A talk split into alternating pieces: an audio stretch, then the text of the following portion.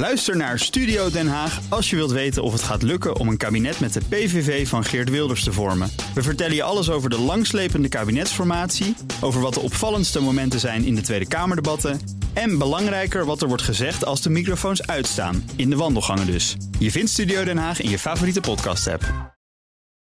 De column van Jaap Jansen.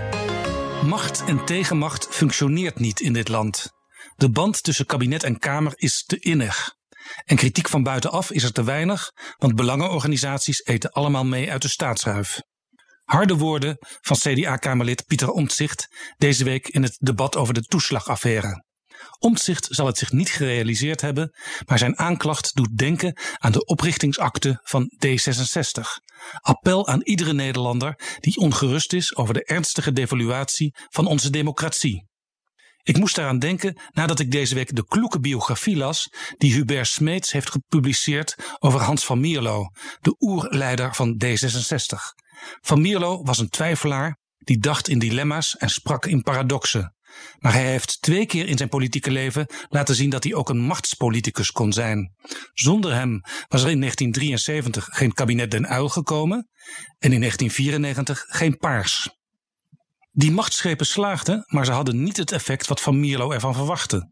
Van Mierlo, de van zijn geloof gevallen katholiek uit de Brabantse elite, wilde voor eens en voor altijd de macht breken van de Katholieke Volkspartij en later het CDA.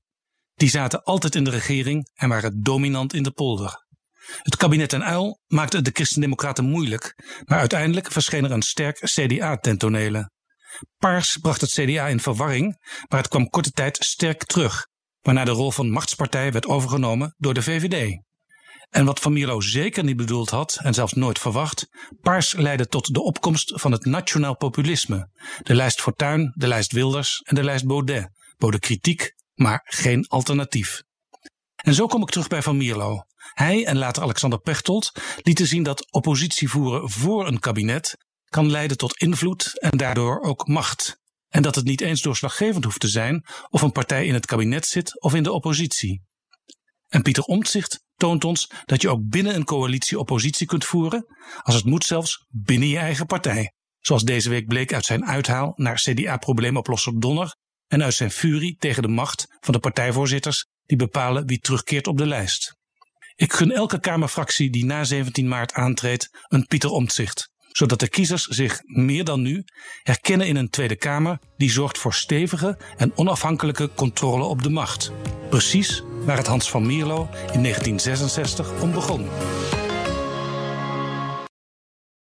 Ook Thomas van Zeil vind je in de BNR-app. Je kunt live naar mij luisteren in Zaken doen, de BNR-app met breaking news, het laatste zakelijke nieuws en je vindt er alle BNR-podcasts, bijvoorbeeld Het Nieuwe Geld. Download nu de gratis BNR-app en blijf scherp.